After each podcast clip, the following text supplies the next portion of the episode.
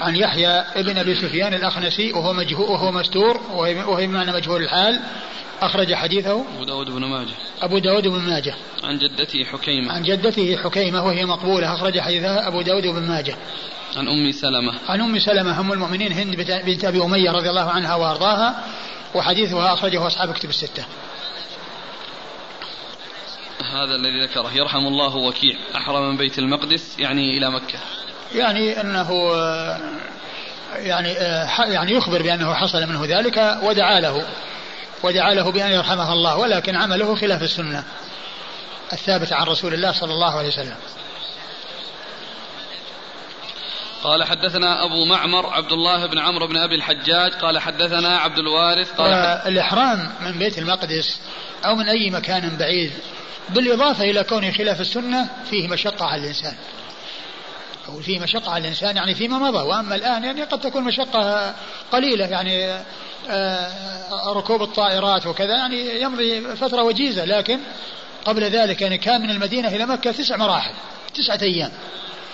وإذا وصل إلى مكة وإذا يعني قد يعني العرق يعني آه، آه، العرق والأوساخ وكثرة طول المدة تؤثر. في الإحرام وتؤثر يعني في لباس الإحرام وفيه مشقة على الإنسان والسنة هو الوقوف عند ما جاءت به السنن عن رسول الله صلى الله عليه وسلم.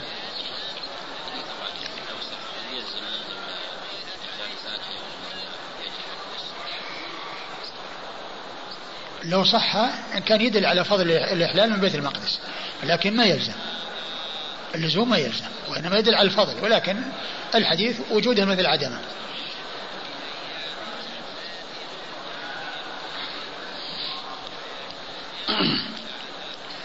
قال حدثنا أبو معمر عبد الله بن عمرو بن أبي الحجاج قال حدثنا عبد الوارث قال حدثنا عتبة بن عبد الملك السهمي قال حدثني زرارة بن كريم أن الحارث بن عمرو السهمي رضي الله عنه حدثه قال أتيت رسول الله صلى الله عليه وآله وسلم وهو بمنى أو بعرفات وقد أطاف به الناس.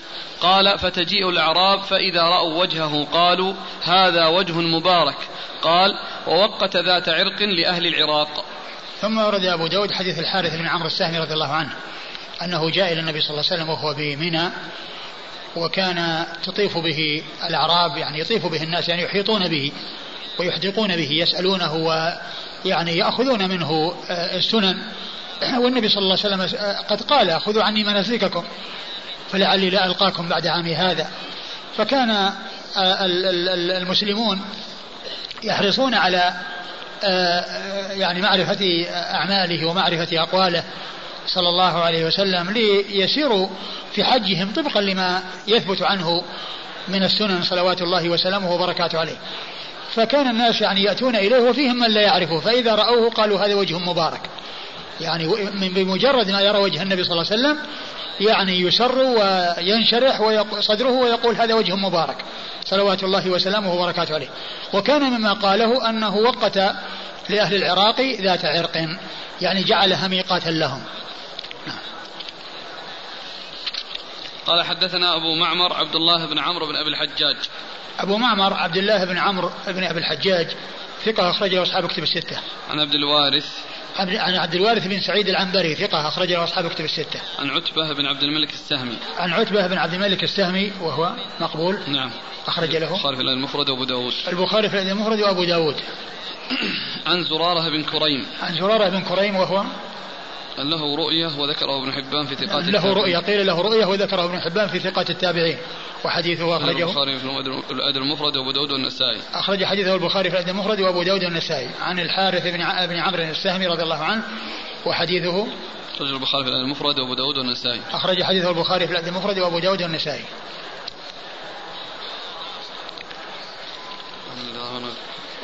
الحديث وإن كان فيه مقبول فقد جاءت الأحاديث الأخرى بمعناه. كما سبق في حديث عائشة.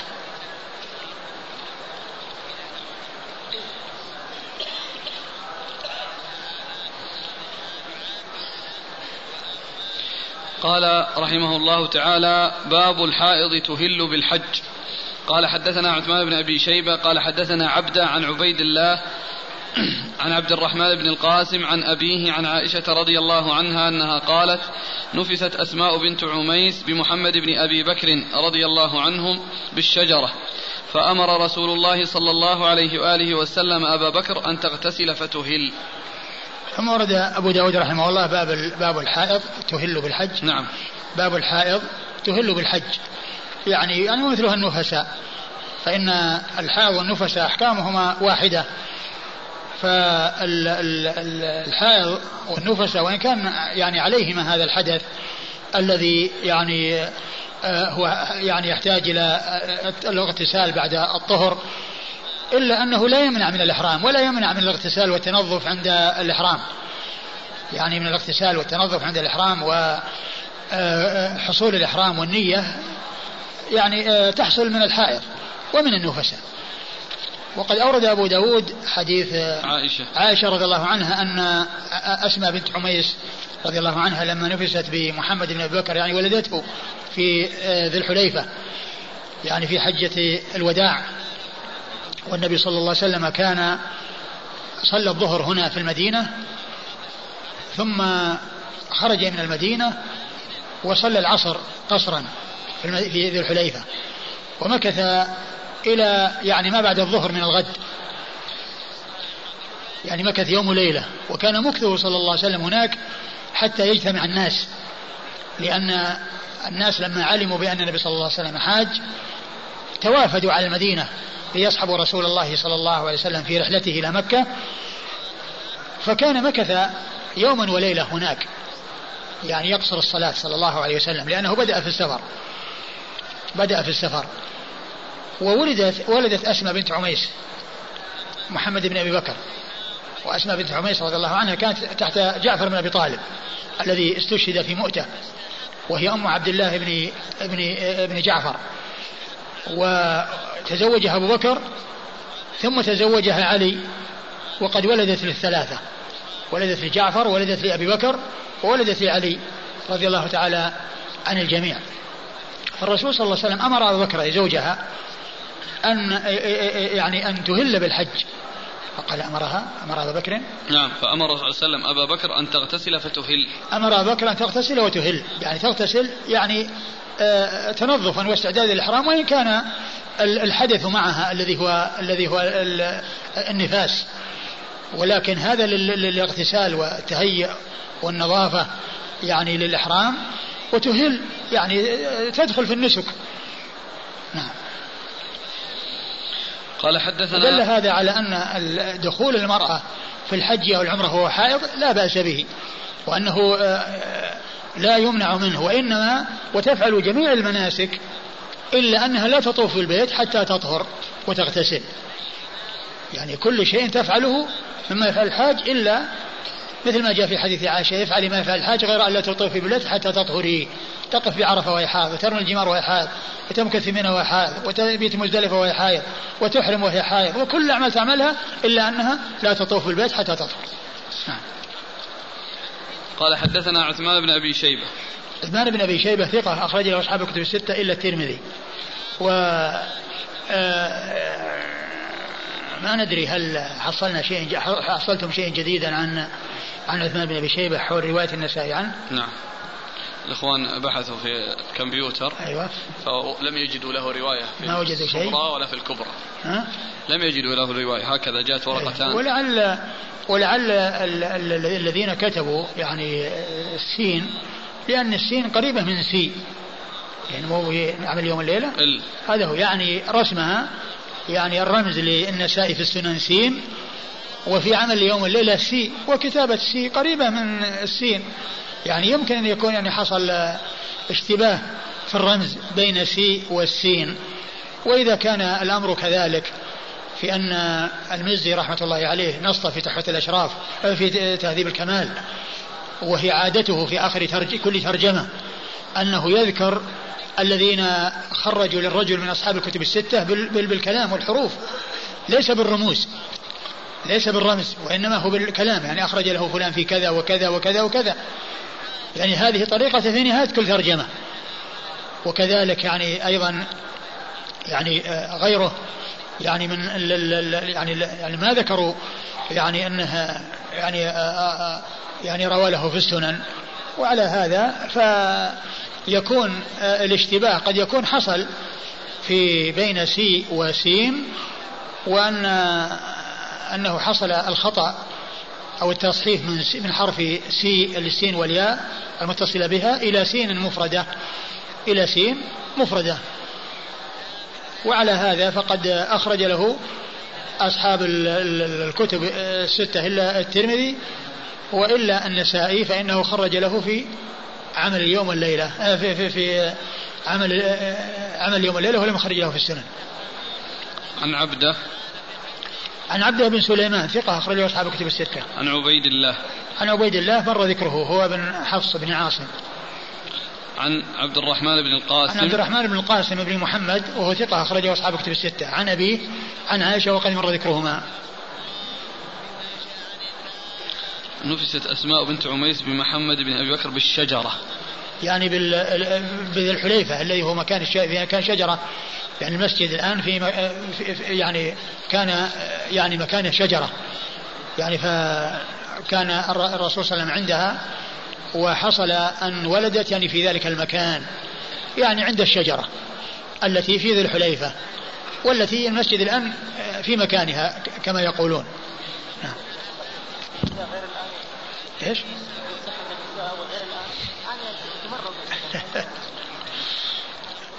يعني قبل كانت الواحدة في البادية يعني تلد ثم تقوم لأعمالها ويعني أقول يمكن تسرح بغنمها. يعني الآن أقول الآن تغيرت الأحوال. يعني الناس قبل كان يعني عندهم مشي وعندهم حركة وعندهم قوة وعندهم نشاط. والآن يعني صار عندهم يعني يختلف الأمر. أقول يختلف الأمر كثيرا. الاغتسال حكمه بالنسبة للحائض والنفساء. مستحب لجميع الحجاج لجميع الحجاج. الاغتسال يعني للإحرام. يعني الأمر ليس مفهومه. هو للاستحباب نعم. قال حدثنا محمد بن عيسى وإسماعيل بن إبراهيم أبو معمر قال حدثنا مروان بن شجاع عن خصيف عن عكرمة ومجاهد وعطاء عن ابن عباس رضي الله عنهما أن النبي صلى الله عليه وعلى آله وسلم قال الحائض والنفساء إذا أتتا على الوقت تغتسلان وتحرمان وتقضيان المناسك كلها غير الطواف بالبيت. قال أبو أيوة. قال أبو معمر في حديثه حتى تطهر ولم يذكر ابن عيسى عكرمة ومجاهدا. قال عن عطاء عن ابن عباس ولم يقل ابن عيسى كلها. قال المناسك إلا الطواف بالبيت. ثم ورد أبو داود رحمه الله حديث ابن عباس. حديث ابن عباس رضي الله عنهما أن النبي صلى الله عليه وسلم قال الحائض والنفساء إذا أتتا على الوقت إذا أتتا على الوقت يعني على الميقات تغتسلان وتحرمان وتقضيان المناسك وتحرمان وتقضيان يعني تقضيان بمعنى تؤديان لأن القضاء هنا بمعنى الأداء.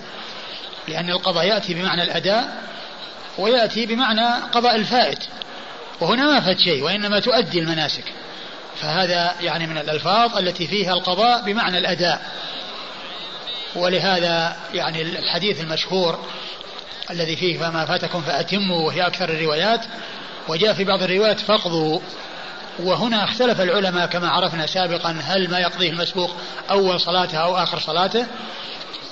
والصحيح أنه آخر صلاته لأن روايات أتموا هي المعتمدة. وما جاء في بعض الروايات يقضوا محمولة على أنها بمعنى أتموا بمعنى بمعنى الأداء. مثل هذه الرواية القضاء هنا بمعنى الأداء.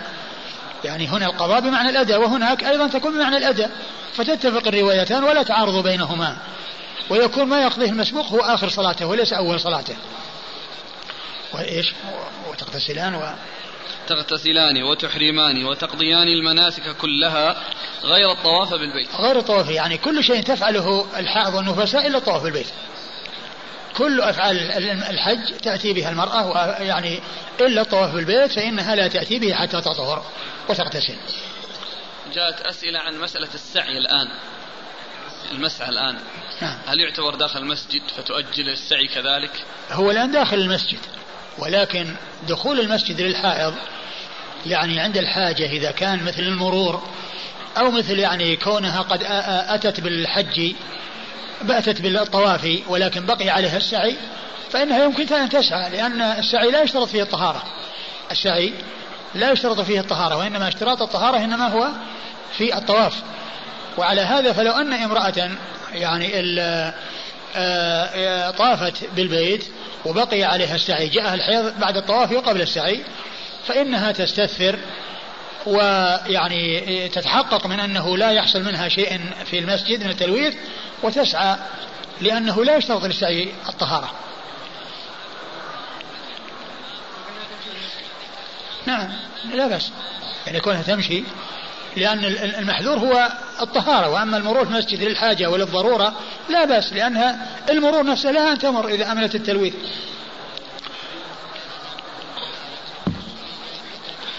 قال حدثنا محمد بن عيسى. محمد بن عيسى الطباع. ثقة أخرج له مسلم البخاري تعليقا. البخاري تعليقا وأبو داود. وأبو داود والترمذي في الشمائل والنسائي وابن ماجه. وإسماعيل بن إبراهيم أبو معمر. وإسماعيل بن إبراهيم أبو معمر وهو ثقة أخرج البخاري ومسلم وأبو داود والنسائي. وهو ثقة أخرجه البخاري ومسلم وأبو داود والنسائي. عن مروان بن شجاع. عن مروان بن شجاع وهو صدوق له أوهام أخرجه البخاري وأبو داود والترمذي وابن ماجه. صدوق له أوهام أخرج هذا البخاري وأبو داود والترمذي وابن ماجه. عن خصيف عن خصيف بن عبد الرحمن وهو صدوق. سيء الحفظ. وهو صدوق سيء الحفظ. أخرج له. أصحاب السنن. أخرج له أصحاب السنن. عن عكرمة. عن عكرمة هو ابن عباس وهو ثقة. أخرجه أصحاب كتب الستة. عن ابن عباس. و ومجاهد. ومجاهد بن جبر المكي ثقة. أخرجه أصحاب كتب الستة. وعطاء. وعطاء بن أبي رباح المكي ثقة. أخرجه أصحاب كتب الستة. عن ابن عباس. عن ابن عباس وقد مر ذكره. قال والحديث والحديث يعني آه، كون فيه خصيف وهو متكلم فيه وأنه سيء الحفظ لا يؤثر لأنه بمعنى الحديث الذي سبق أن مر في قصة آه، آه، حديث مسلمة أنها تغتسل و يعني تهل بالحج. وكذلك حديث عائشة أنها تفعل ما يفعل الحاج غير أن لا تطوف بالبيت حتى تطهر. نعم. قال أبو معمر في حديثه حتى تطهر. قال أبو معمر اللي هو أحد الشي... أحد الشيوخ لأبي داود حتى تطهر يعني آه، غير أن لا تطوف بالبيت. الحديث؟ الحائض والنفساء إذا أتتا على الوقت تغتسلان وتحرمان وتقضيان المناسك كلها غير الطواف بالبيت. أي يعني هذه الزيادة حتى تطهر. ولم يذكر ابن عيسى عكرمة ومجاهدا قال عن عطاء عن ابن عباس. يعني أن عيسى آه، محمد بن عيسى و هم اثنان محمد بن عيسى وإسماعيل بن نعم إبراهيم. ومحمد بن عيسى ما ذكر عكرمة ولا مجاهد وإنما اقتصر على عطاء عن ابن على عطاء عن ابن عباس نعم. ولم يقل ابن عيسى كلها. ولم يقل ابن عيسى كلها يعني المناسك كلها. قال المناسك إلا الطواف البيت قال المناسك إلا الطواف البيت يعني كلمة كلها ما جاء ما جاءت. وهذا من كله يعني يدل على عناية المحدثين و يعني آه، ذكر آه، ذكرهم الألفاظ التي وردت. لأن كون أبي داود رحمه الله يذكر أن هذا قال كذا وهذا قال كذا يعني يدل على العناية. قال رحمه الله تعالى باب الطيب عند الإحرام. قال حدثنا القعنبي عن مالك. قال حاء وحدثنا أحمد بن يونس. قال حدثنا مالك عن عبد الرحمن بن القاسم عن أبيه عن عائشة رضي الله عنها أنها قالت كنت أطيب رسول الله صلى الله عليه وآله وسلم لإحرامه قبل أن يحرم. ولإحلاله قبل أن يطوف بالبيت. ثم ورد أبو داود آه هذه الترجمة وهي الطيب عند الإحرام. يعني استعمال الطيب عند الإحرام يعني قبله قبل أن يحرم الإنسان يتطيب. ولكن آه هذا الطيب إذا بقي معه بعد ذلك يعني على رأسه أو على لحيته أو على وجهه يعني لا بأس استدامته جائزة. يجوز في الاستدامة ما لا يجوز في الابتداء. والإحرام والتطيب حصل قبل الإحرام. ثم أحرم عليه الطيب فيستديم الذي عليه. ولكن لا يجوز له أن يبتدئ الطيب ويتطيب بعد الإحرام يعني ويبتدئ الابتداء لا يجوز والاستدامة تجوز. وقد ذكر ابن القيم رحمه الله في كتاب الموقعين مسائل كثيرة من هذا النوع التي هو ما يجوز في الاستدامة ولا يجوز في الابتداء. يجوز استدامة ولا يجوز ابتداء. ذكر جملة يعني من الأمثلة التي هي من هذا القبيل. ما تجوز استدامته ولا يجوز ابتداؤه. وأنا قد أشرت إلى مكانه في الفوائد المنتقاة. يعني من فتح الباري وكتب أخرى. وهي مسائل من هذا النوع. ما يجوز في الاستدامة ولا يجوز في الابتداء. فكانت أورد أبو داود حديث عائشة رضي الله عنها أن النبي صلى الله عليه وسلم أنها كانت تطيب النبي صلى الله عليه وسلم لإحرامه قبل أن يحرم. ولحله قبل أن يطوف بالبيت. ولحله قبل أن يطوف بالبيت. يعني إذا بقي عليه الطواف فإن وقبل أن يذهب إلى مكة للطواف فإنها تطيبه. يعني بعد إحرامه بعد رميه الجمرة وبعد حلقه لأنه ما بقي عليه إلا أن يذهب إلى مكة صلى الله عليه وسلم. ف آه، فدل هذا على أن استعمال الطيب وإن كان من مقدمات النكاح أو من الوسائل التي يعني تدفع إلى النكاح فإن ذلك جاء به الحديث وهو يجوز بعد التحلل الأول. والنكاح لا يجوز إلا بعد التحلل الثاني. لا يجوز إلا بعد التحلل الثاني الذي هو الإتيان بالطواف والسعي لما كان عليه سعي. لأن التحلل الكامل بفعل الأمور الثلاثة التي هي الرمي والحلق أو التقصير والطواف والسعي لما كان عليه سعي.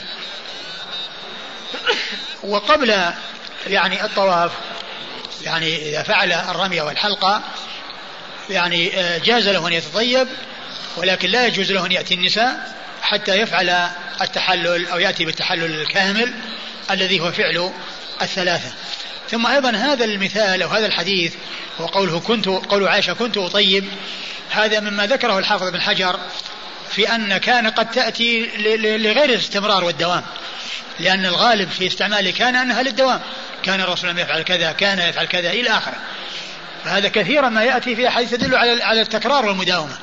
لكنها قد تأتي لغير التكرار ومنه هذا الحديث. لأن قولها ولحله قبل أن يطوف البيت هو هي ما هو حج ما حج إلا مرة واحدة. فما طيبته لحله إلا مرة واحدة.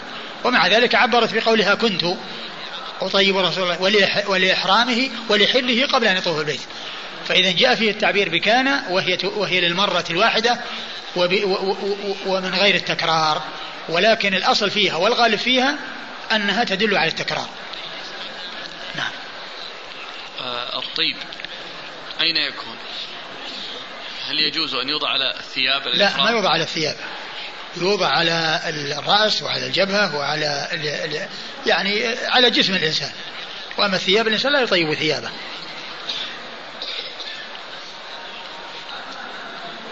قال حدثنا القعنبي عن مالك قال حا وحدثنا أحمد بن يونس قال حدثنا مالك عن عبد الرحمن بن القاسم عن أبيه عن عائشة. هذا التراجم نعم. القعنبي؟ القعنبي عن مالك آه. قال حاء وحدثنا أحمد بن يونس عن مالك عن عبد الرحمن بن القاسم عن ابي عن عائشة. كل هؤلاء مروا. قال حدثنا محمد بن الصباح البزاز قال حدثنا إسماعيل بن زكريا عن الحسن بن عبيد الله عن إبراهيم عن الأسود عن عائشة رضي الله عنها أنها قالت: كأني أنظر إلى وبيص المسك في مفرق في مفرق رسول الله صلى الله عليه وسلم وهو محرم.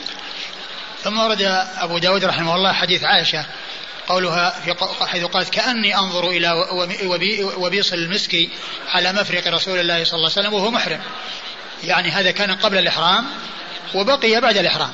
يعني فهذا يوضح الاستدامة وأن الاستدامة يعني آه، سائغة. يعني ما كان قبل الإحرام يستدام بعد الإحرام ولكن لا لا ينشئ الإنسان تطيبا أو يبتدئ تطيبا بعد الإحرام لا يجوز له ذلك.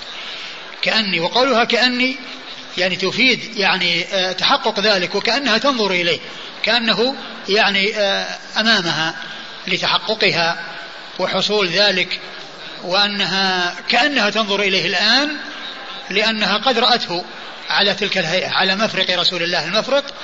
هو ال- ال- ال- الذي يكون في وسط الرأس يعني حيث يقسم الشعر مجموعة من جهة اليمين ومجموعة من جهة اليسار. هذا هو المفرق.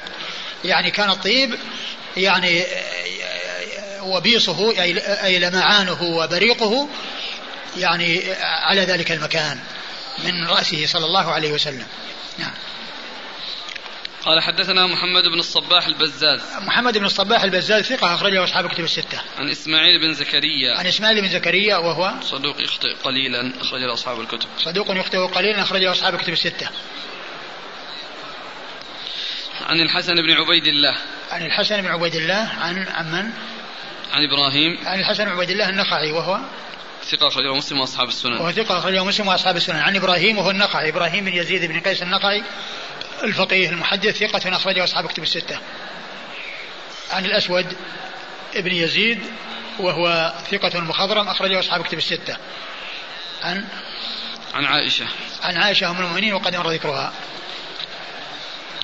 قال رحمه الله تعالى باب التلبيد. قال حدثنا سليمان بن داود المهري قال حدثنا ابن وهب قال أخبرني يونس عن ابن شهاب عن سالم يعني بن عبد الله عن أبيه رضي الله عنه أنه قال سمعت النبي صلى الله عليه وآله وسلم يهل ملبدا. ثم ورد أبو داود رحمه الله باب التلبيد والتلبيد هو تلبيد الرأس ووضع شيء يعني يمسكه بحيث يتلبد ولا ينتفش ولا يعني آه، يتفرق فيعني يصيبه الغبار. ويعني وقد يعني يصيب يعني مع طول الوقت أيضا يحصل آه، القمل. فالتلبيد هو يعني وضع شيء مثل الصمغ أو ما إلى ذلك يعني يمسكه يعني يمسكه يعني بحيث يعني يبقى يعني آه يعني لاصقا أو متصلا بالرأس غير منتفش يعني غير شعث يعني يدخل فيه الغبار ويعني آه يحصل أيضا يعني القمل يعني فيكون متلبدا يعني ثابتا بسبب ذلك. أورد أبو داود حديث؟ ابن عمر. حديث ابن عمر سمعت النبي صلى الله عليه وسلم يهل ملبدا. يهل ملبدا يعني يهل وقد لبد رأسه. يهل وقد لبد رأسه. يهل يعني يهل بالإحرام. نعم يهل بالإحرام ويلبي وقد لبد رأسه. ملبدا يعني حالة كونه ملبدا رأسه صلى الله عليه وسلم. نعم. الآن سنة هذا الأمر. والله الآن بالنسبة لل يعني الناس ما يحتاجون إلى هذا من ما في طول مكة لأن كان من ذي الحليفة إلى مكة تسعة أيام يعني على الإبل وتعب ونصب. والآن يعني الناس ما يحتاجون إليه لأنه يعني بعد ساعات وقد فرغ من من عمرته. نعم والذي يبدو أنه على الحاجة. قال حدثنا سليمان بن داود المهري. سليمان بن داود المهري, المهري المصري ثقة أخرجه أبو داود والنسائي. عن ابن وهب. عن ابي وهب عبد الله بن وهب المصري ثقة فقيه أخرجه أصحاب كتب الستة. عن يونس عن يونس بن ابن يزيد الأيلي ثقة أخرجه أصحاب كتب الستة. عن ابن شهاب عن ابن شهاب محمد بن مسلم بن عبيد الله بن شهاب الزهري ثقة فقيه أخرج له أصحاب كتب الستة. عن سالم عن سالم بن عبد الله بن عمر بن الخطاب ثقة فقيه أحد فقهاء المدينة السبعة في عصر التابعين على أحد الأقوال الثلاثة في السابع منهم وحديثه أخرجه أصحاب كتب الستة. عن أبيه نعم عن أبيه وقد مر ذكره قال حدثنا عبيد الله بن عمر قال حدثنا عبد الأعلى قال حدثنا محمد بن إسحاق عن نافع عن ابن عمر رضي الله عنهما أن النبي صلى الله عليه وآله وسلم لبد رأسه بالعسل. ثم ورد أبو داود رحمه الله حديث ابن عمر. حديث ابن عمر رضي الله عنهما أن النبي صلى الله عليه وسلم لبد رأسه بالعسل يعني وضع شيئا يعني يمسكه يعني بحيث يمسك شعره ويلصق بعضه ببعض وكان ذلك بالعسل. والحديث آه، ضعفه الألباني ولعل يعني تضعيف في ذلك آه، من جهة محمد بن إسحاق لأنه علته آه، هو صدوق إلا أنه إذا روى بالعنعنة هو مدلس. إذا روى بالعنعنة هو مدلس. فلعل العلة في ذلك يعني هي هذا. أما أصل التلبيد فهو ثابت وإنما الكلام في كونه بالعسل. كونه لبد رأسه بالعسل صلى الله عليه وسلم. هذا هو الذي يعني ضعفه الألباني. ولعل العلة في ذلك آه، رواية محمد بن إسحاق بالعنعنة. وباقي الرجال آه، معروفون يعني في الثقة آه، نعم. يعني في نعم في بعض النسخ قيل بالغسل والغسل يعني هو قيل يعني شيء من الخطم أو كذا. لكن التلبيد يعني ثبت يعني في في حديث عائشة المتقدم. حديث حديث ابن عباس المتقدم. ابن عباس هو؟ إيش؟ اللي قبل هذا؟ لا ابن عمر. حديث ابن عمر نعم. قال حدثنا عبيد الله بن عمر. عبيد الله بن عمر هو ثقة أخرج له البخاري ومسلم وأبو داود النسائي البخاري ومسلم وأبو داود النسائي عن عبد الأعلى بن عبد الأعلى وهو ثقة أخرج أصحاب كتب الستة. عن محمد بن إسحاق عن محمد بن إسحاق المدني صدوق يدلس أخرج حديث البخاري البخاري تعليقا ومسلم وأصحاب السنة. عن نافع عن ابن عمر. عن نافع عن ابن عمر وقد ونافع هو مولى ابن عمر ثقة اخرجه أصحاب الكتب الستة وابن عمر مر ذكره. استخدام الأطعمة يعني في هذه التنظف أو استخدامه مثلا الزيت الزيتون مثلا في الشعر النساء تستخدم لا بأس بذلك لا بأس بذلك عند الحاجة أقول اذا احتيج إليه لا بأس به ما هي استهانة بالاطعمه هذه؟ لا ما هو استهانة. أقول ليس استهانة يعني مثل يعني مثل هذا إذا احتيج إليه وأستعمل مثل الدهن أو مثل يعني لا بأس به. شيخ عن. نعم. قال حد قال رحمه الله تعالى باب في الهدي. قال حدثنا والله تعالى أعلم وصلى الله وسلم وبارك على عبده ورسوله نبينا محمد وعلى آله وأصحابه أجمعين. غدا إن شاء الله الدرس. الدرس يكون هناك إن شاء الله في المكان الثاني. إن شاء الله.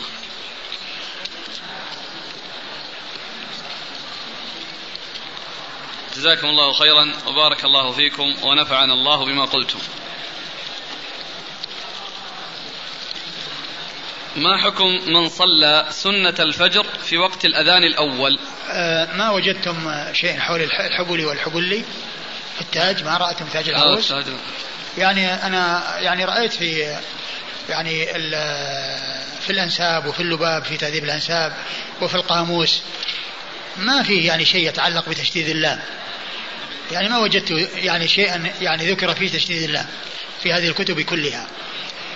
ولعل اقتصار الحافظ بن حجر على ضبط الحاء والباء وسكوته يعني عن غيرها والتشديد يعني خلاف الجادة لو كان يعني حاصلا لنبه عليه يعني فيبدو والله أعلم أنها الحبولي الحبولي بدون التشديد لكن إن إن كان في القام في تاج العروس أو في غيره يعني شيء يعني فيه زيادة علم وكذا ف يعني من وقف على شيء من ذلك ينبهنا. السؤال؟ ما حكم من صلى سنة الفجر في وقت الأذان الأول؟ لا ينفع. أقول لا صلاة سنة الفجر تكون بعد الأذان الثاني الذي هو دخول الوقت. والأذان الأول قبل دخول الوقت في الليل. الإنسان يمكن أن يوتر بعد الأذان الأول لأن وقت الوتر إلى طلوع الفجر. الذي هو الفجر الثاني الذي يكون معه الأذان الثاني. فعلى هذا لا تصلى ركعة الفجر قبل يعني قبل الأذان الأول الأذان الثاني وبعد الأذان الأول يعني الذي يكون في آخر الليل لأن الأذان الأول يحل معه الأكل والشرب لمن يريد أن يصوم وكذلك يصلي الإنسان الوتر لأنه لا يزال في صلاة الليل. وأما ركعة الفجر فبعد دخول وقتها وهو حصول الأذان الثاني. إذا امرأة ليس لها محرم فتحج عنها شخص آخر ثم بعد ذلك وجدت محرما هل تعيد الحج؟ المرأة يعني لا تحجج يعني ما الحي الحي لا يحج عنه إلا في حالتين اثنتين. لا يحج عنه إلا في حالتين اثنتين. أن يكون هرما كبيرا لا يستطيع الركوب والسفر. أو يكون مريضا لا مرض لا يرجى بره والمرأة التي ليست لها محرم, لها محرم ليست من هذين من هذين الصنفين. وعلى هذا فلا يحج عنها. لا يحج عنها. وإنما يعني الحج آه إذا قدرت فإنها تحج. ولا يحج عنها ولا تحج تحجج عن نفسها. لا يحج عنها ولا تحج عن نفسها لأن الحج لا يكون عن الحي إلا في حالتين اثنتين وليس هذا منها. تحج نعم. ولو كان ذاك الحج يعني مو يعني آه لا يصح. يعني هذاك يكون للحاج. تثبيت الإحرام بالمشابيك. والله إذا كان أنه يعني مشبك واحد أو كذا يمسك أطرافه أو يعقد أطرافه لا بأس. وأما ما يفعله الناس من تعديد المشابيك ويعني يعني جمعها يعني تركه أولى.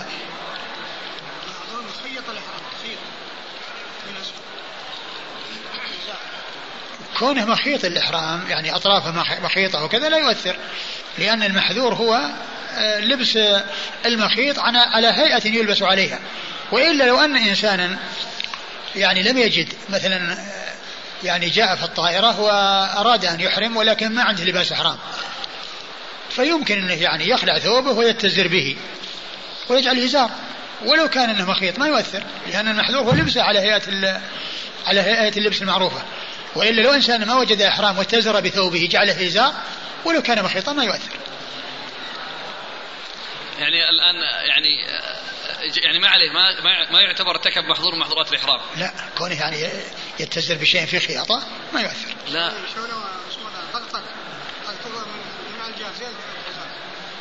يعني هذه إحرامات أنا قلت يعني مصنوعة. لا هو هو إحرام تقول مكفوف يعني مكفوف بخياطة يعني أطرافه. هذا ما في لا, لا لا لا. كيف؟ لا لا لا ما يصح ما ينبغي لأن هذا مثل يعني يصير مثل مثل المشابك اللي قلنا يعني لا, لا, لا, لا تنبغي إلا إذا كان واحدا يمسك. في الآن مصنوعة أحرامات مصنوعة ويأتون بها أهل بلد معين نراهم في الحج. نعم. يعني مصنوعة في بلدهم. الإحرام كله في يعني أزرار شو اسمه كبس. آه. فتجد الإحرام خاصة الإزار. آه. من أعلى إلى أسفله. يكبس كبس والله الأولى لا يفعل لأن مثل هذا يشبه يشبه يعني كل الإنسان يعني يعني يتخذ هذه المشابك المتعددة. وكل إنسان يعني يستر عورته ويحافظ على ستر العورة هذا مطلوب.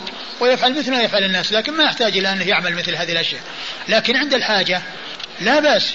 أنا قلت لا بأس. في عند الحاجة كل إنسان ما وجد له وقد جاء في الطائرة وقد يريد حجا وعمرة ولو تجاوز الميقات أن لزمه فدية فله أن يخلع ثوبه ويتزر به لأن لبس الإزاء لبس المخيط على هيئة على هيئة على هيئة ليست الهيئة المعهودة عند الحاجة لا بأس بذلك.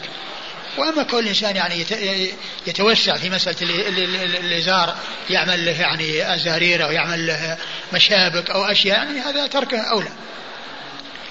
رجل اكتسب المال بطريق غير شرعي هل يجوز له أن يحج به؟ لا لا يحج إلا من مال الحلال، لا يحج من المال الحرام.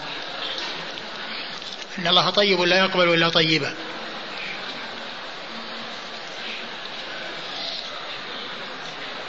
إذا كان الرجل جاء إلى جدة ثم قصد المدينة وهو يريد الحج من دون إحرام ثم أحرم للحج من ميقات أهل المدينة لا بأس بذلك من جاء إلى جدة وكان قصده أن يذهب إلى المدينة ليحرم منها. ما كان قصده أن يذهب إلى مكة ويحرم من جدة؟ لا بأس بذلك لأن لأنه تجاوز الميقات غير محرم لأنه سيذهب إلى مكان خارج المواقيت ويحرم من ذلك الميقات لا بأس بذلك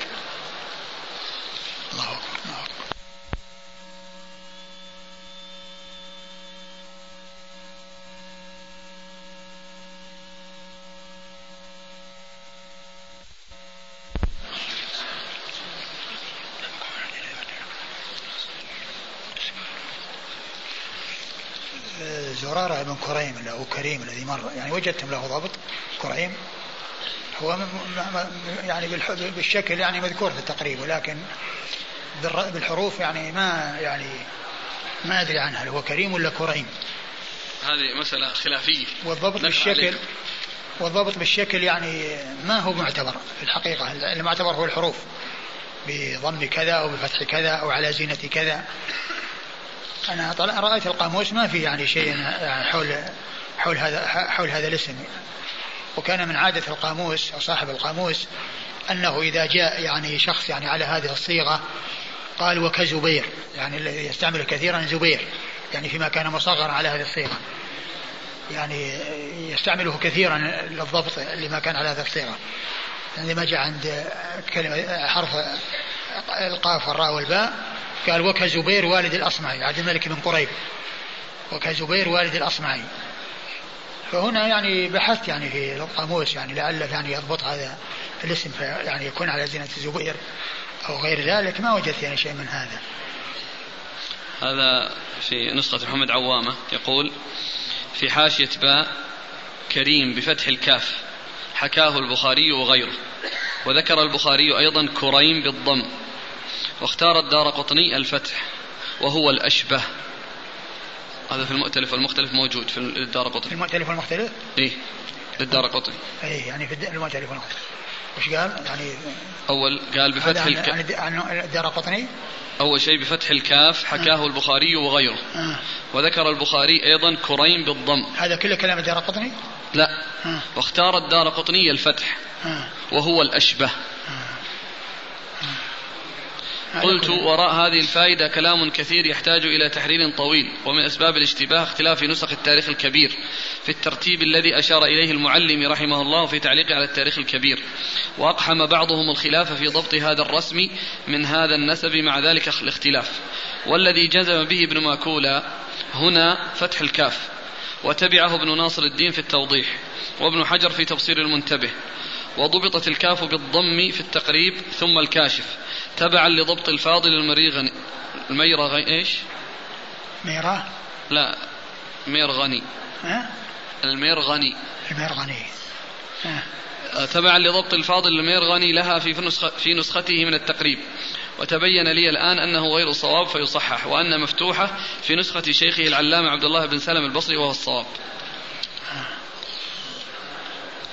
هذا كله كلام نقل نعم نقل حاشية محمد عوامة نقل. هذا كله كلام الحاشية؟ اي الكلام اللي قرأت كله نعم. في الحاشية؟ نعم. آه. على كل إذا يعني آه، هذا وهذا كلهم يعني لكن كأن الأكثر الذي جزم به ابن ماكولة كريم. إيه؟ الأشبه نعم. وتبعه ابن ناصر الدين نعم. وابن حجر في تفسير المنتبه. أي نعم.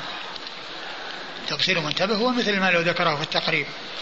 أقول مثل ما لو ذكره في التقريب يعني آه، هو هو عمدتنا. التقريب يعني. نعم.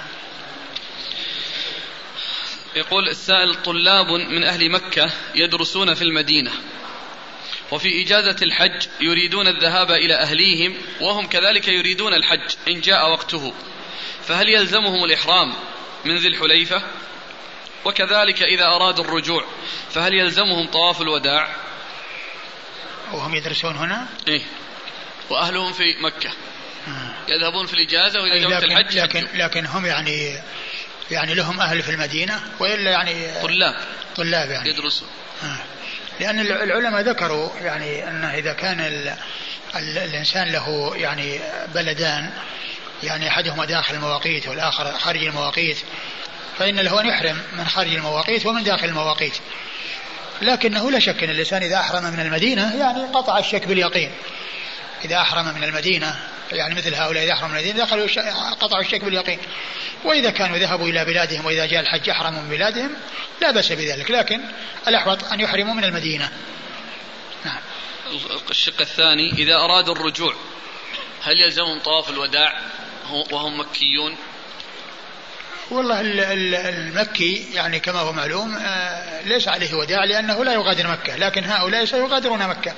وقد جاءوا إلى مكة وسيغادرونها.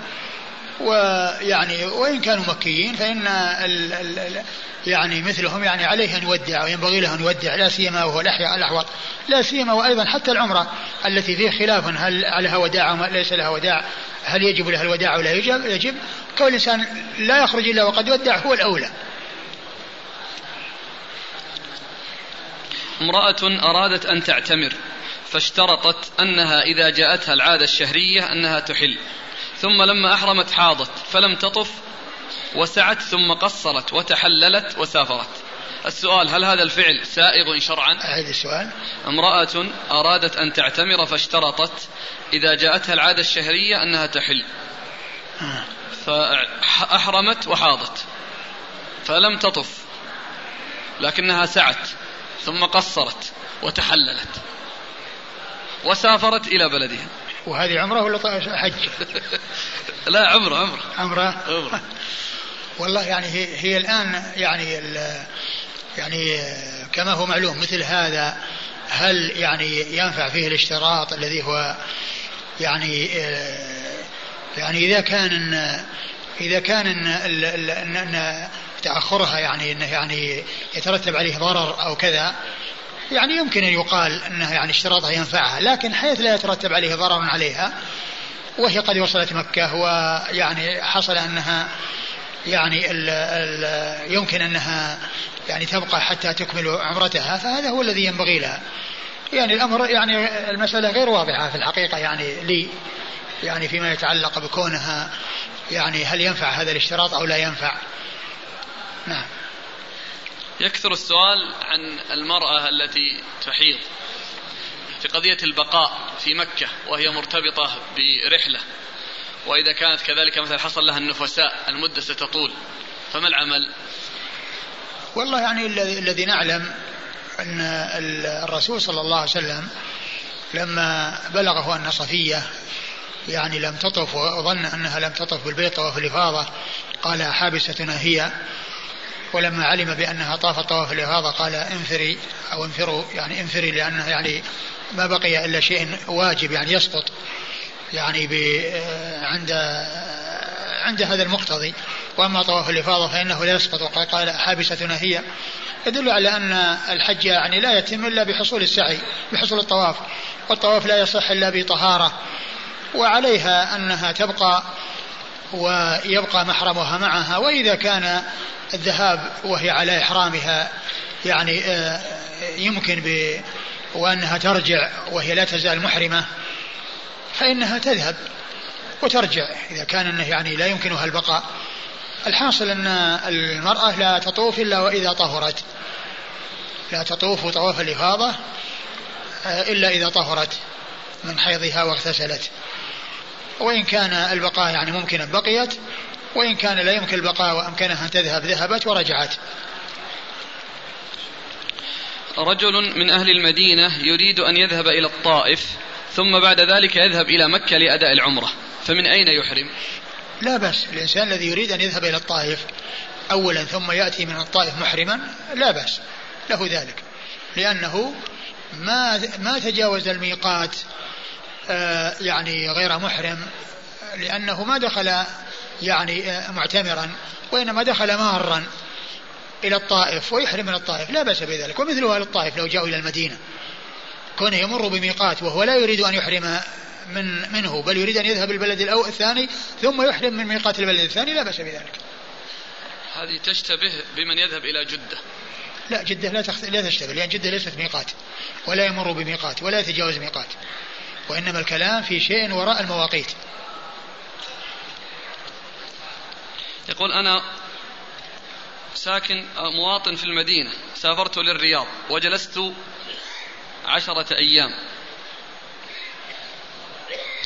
وكنت أقصر الصلاة وأجمع الظهر مع العصر جمع تقديم والمغرب مع العشاء مع إسقاط السنن والوتر. هل ما فعلته صحيح؟ وكم هي مدة القصر؟ وهل يجوز الجمع إن قصرت؟ إيش السؤال؟ المدة وش راح إلى الرياض آه. وجلس عشرة أيام. عشرة أيام؟ إي. آه. وكان يقصر ويجمع. ال ال ال الإنسان إذا إذا كان دخوله البلد لا يعرف متى كم المدة التي سيبقاها. وإنما يعني يريد حاجة والحاجة يعني متى انتهت يعني سيمشي. وكل يوم تحتمل أن تنتهي. فمثل هذا لو طالت المدة عليه هو مسافر وله أن يقصر. وأما الجمع فالأولى للإنسان المقيم في بلد أنه لا يجمع وإنما يعني يصلي كل صلاة في وقتها. مثل ما كان النبي صلى الله عليه وسلم يصلي في منى قصرا بدون جمع ولكن الجمع جائز مع الإقامة لأن النبي صلى الله عليه وسلم يعني جمع في تبوك في حال إقامته في تبوك يعني جمع يعني في, في, في يوم من الأيام وهذا يدل على الجواز لكن الأولى عدم فعله لأن المعروف من فعله صلى الله عليه وسلم في حال الإقامة أنه يقصر ولا يجمع كما فعل في منى. وأما إذا كان عازما على أن يبقى أكثر من أربعة أيام عند دخوله البلد فحكمه حكم المقيمين لا يجمع ولا يقصر. لأن النبي صلى الله عليه وسلم أو المدة المعروفة التي عرف أن النبي صلى الله عليه وسلم بقيها وهو يعني بقاءه يعني متحقق هي الأربعة الأيام التي كانت في حجة الوداع حيث دخل مكة يوم الرابع وخرج إلى منى يوم ثمانية وكان يقصر الصلاة في الأبطح صلى الله عليه وسلم. فإذا كان أنه من النوع الذي أشرت إليه آنفا وهو أنه يعني كان دخل آه، يريد حاجة ولكن ما عنده عزم على أن يبقى أربعة أيام ولكنه يعني يريد أن حاجة ومتى انتهى حاجته يمشي فعمله صحيح. ولكن الجمع هو خلاف الأولى في حق المقيم. نعم. ما حكم من أحرم ولما وصل مكة قبل الطواف غير نيته ورجع بدون عمرة؟ أبدا لا يجوز له ذلك. أبدا بل العمرة لازمة له وهو باق على إحرامه حتى يأتي بالحج والعمرة. وعليه أن يرجع بإحرامه ويكمل عمرته وحج وعمرته. يسأل عن التلبيد. يقول ألا يبطل الوضوء لأن الماء يجب أن يصل إلى جميع الأعضاء؟ لا ما ما ما يبطل الوضوء. أقول ما يبطل الوضوء. الإنسان يمسح على رأسه ولو كان أنه يعني ملبد سواء كان يعني غير ملبد أو ملبد يمسح الإنسان عليه. مثل يعني المرأة اللي عليها حنة مثلها مثلها لا بأس.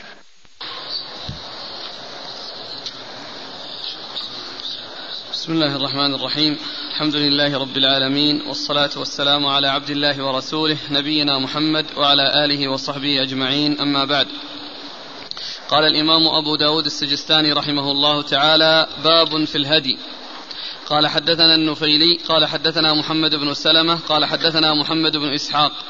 قال حاء وحدثنا محمد بن المنهال قال حدثنا يزيد بن زريع عن ابن إسحاق المعنى قال قال عبد الله يعني ابن أبي نجيح قال حدثني مجاهد عن ابن عباس رضي الله عنهما أن رسول الله صلى الله عليه وآله وسلم أهدى عام الحديبية في هدايا رسول الله صلى الله عليه وآله وسلم جملا كان لأبي جهل في رأسه برة فضة.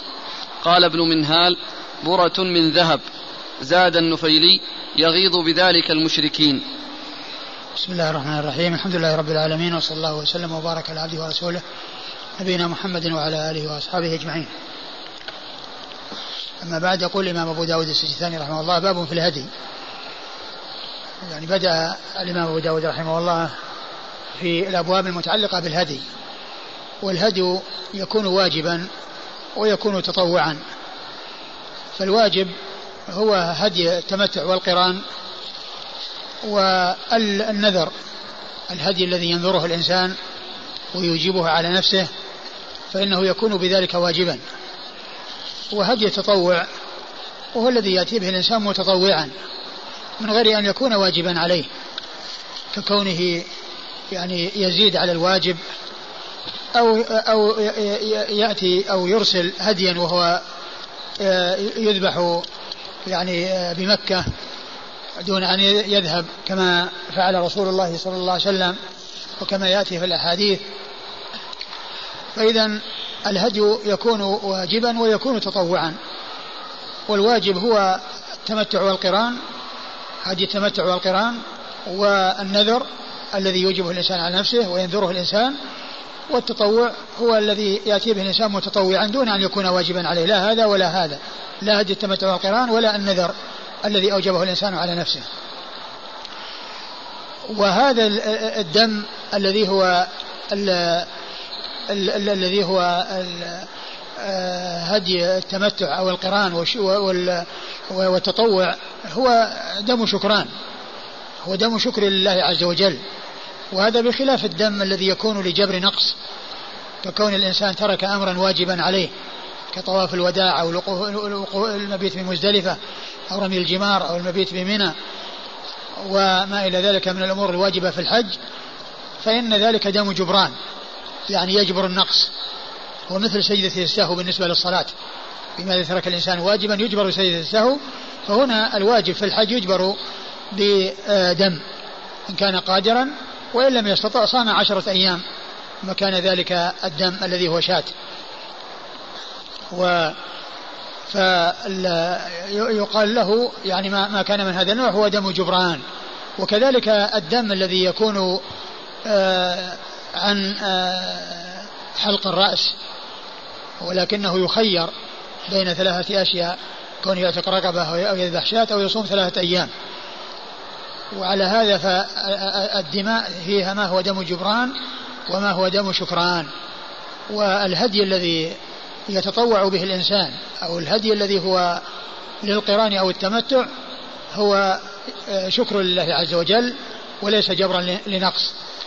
أورد أبو داود رحمه الله آه، حديث ابن عباس. حديث ابن عباس رضي الله عنهما أن النبي صلى الله عليه وسلم أهدى في جملة ما أهدى عام الحديبية أي الهدي الذي ساقه معه وذهب به إلى العمرة في سنة ست وحصل أن صدهم المشركون وتم الصلح بينهم وبينهم على أن يرجعوا من هذا العام وأن يحجوا من العام القابل يعني مكان هذه الحج هذه وأن يعتمروا من العام القابل مكان هذه العمرة التي صدوا عنها.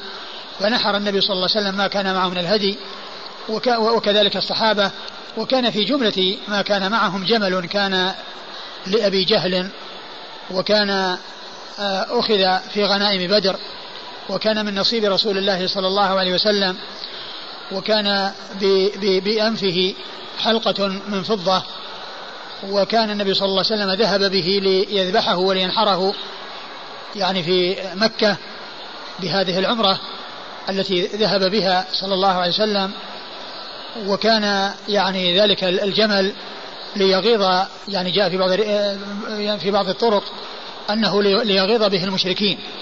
يعني يكون هذا الجمل صاحبه قتل وأخذ هذا الجمل وصار لرسول الله صلى الله عليه وسلم والنبي صلى الله عليه وسلم يصرفه بهذه القربة وهذه الطاعة التي هي نحره بمكة في آه، ذهابه للعمرة. صلوات الله وسلامه وبركاته عليه.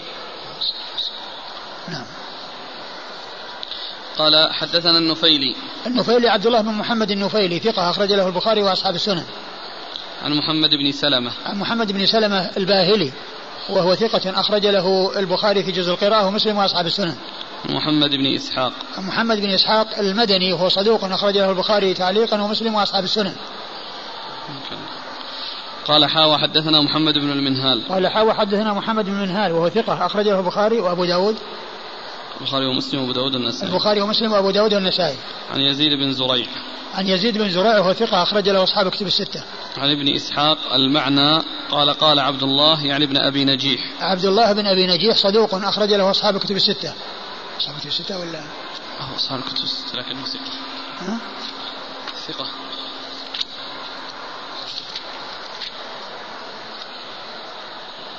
ثقة. ثقة؟ نعم. ثقة أخرجه أصحاب كتب الستة. عن مجاهد. عن مجاهد بن جبر المكي ثقة أخرجه أصحاب كتب الستة. عن ابن عباس. عن ابن عباس عبد الله بن عباس بن عبد المطلب ابن عم النبي صلى الله عليه وسلم وأحد العباد له أربعة من أصحاب النبي صلى الله عليه وسلم وأحد السبعة المعروفين بكثرة الحديث عن النبي عليه الصلاة والسلام.